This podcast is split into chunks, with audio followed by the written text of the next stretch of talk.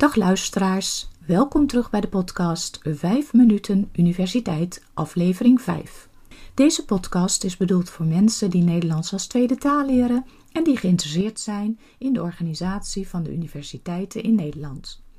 Als je de tekst wilt ontvangen, stuur dan een e-mail naar 5minutennl.gmail.com met als onderwerp tekst universiteit.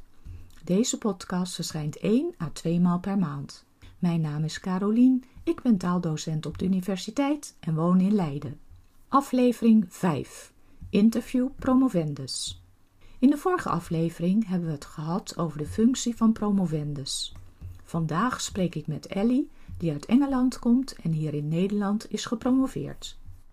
Vandaag hebben we Ellie te gast, die gepromoveerd is aan de Universiteit Leiden. Ellie, wil je jezelf even voorstellen? Ja, nou, ik ben Ellie en ik kom uit Engeland, uh, maar ik woon nu tien jaar in Nederland.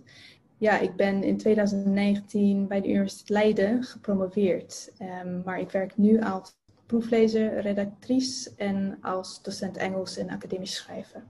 Waar heb je je master gedaan voordat je ging promoveren? Ik heb mijn master ook uh, bij de Universiteit Leiden gedaan. Um, maar daarvoor woonde ik in Londen en daar heb ik mijn bachelor gedaan. En waarom uh, heb je ervoor gekozen om je PhD in Nederland te gaan doen? Nou, ik, uh, ik vond tijdens mijn master dat het heel leuk was om uh, zelfstandig onderzoek te doen. Daarom heb ik gekozen om een PhD te doen. En ik wist eigenlijk vanaf het begin dat ik mijn PhD in Nederland wilde doen. En dat is omdat als promovendus in Nederland dat je, dat je werknemer bent van de universiteit en dat je geen student bent. En uh, ik wist dat een PhD een, echt een grote uitdaging zou zijn. En dat ik minimaal vier jaar, vier jaar zelfstandig onderzoek zou uitvoeren. En daarbij ook nog lesgeven en misschien studenten begeleiden. En ik vond dat het heel belangrijk was om daarbij de stabiliteit en steun van een aanstelling te hebben. Heel goed, ja. Want, want in Engeland, waar je vandaan komt, is dat systeem anders, toch? Inderdaad, ja. Daar word je echt als student uh, beschouwd. Of je hebt de status van student tenminste. Dat ja. is heel anders.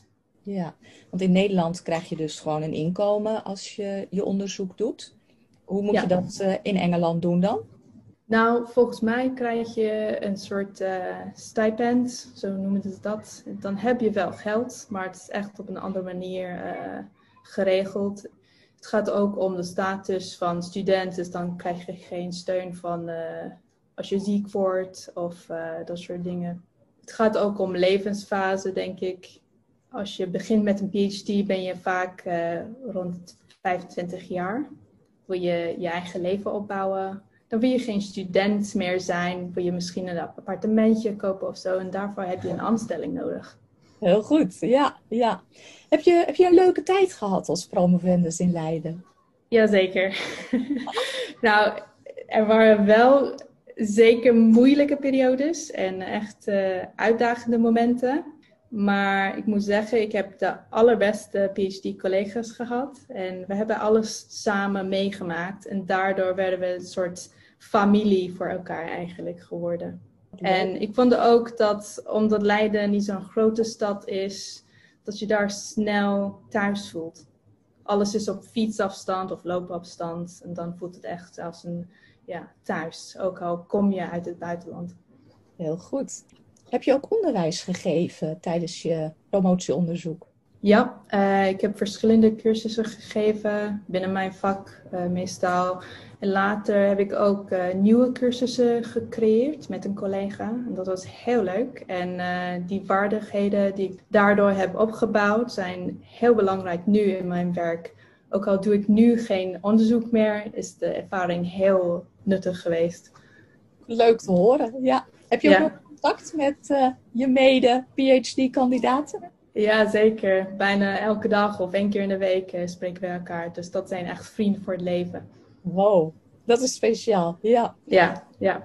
En uiteindelijk uh, ben je gepromoveerd en heb je de promotieplichtigheid ja. gehad. Hoe heb je die ervaren? Nou, ik vond het heel leuk eigenlijk.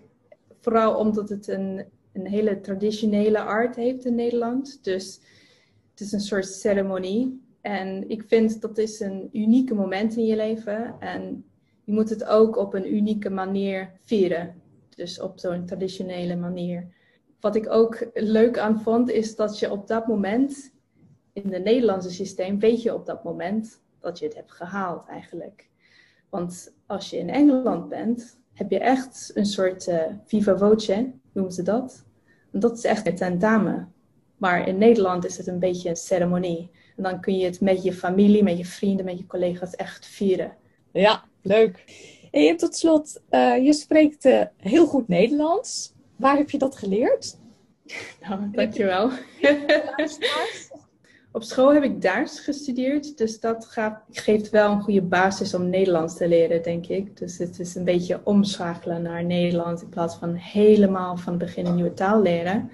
Maar wat ik heb gedaan zodra ik in Nederland uh, kwam wonen, uh, ben ik begonnen met een soapserie kijken. Die heet Goede Tijden, Slechte Tijden.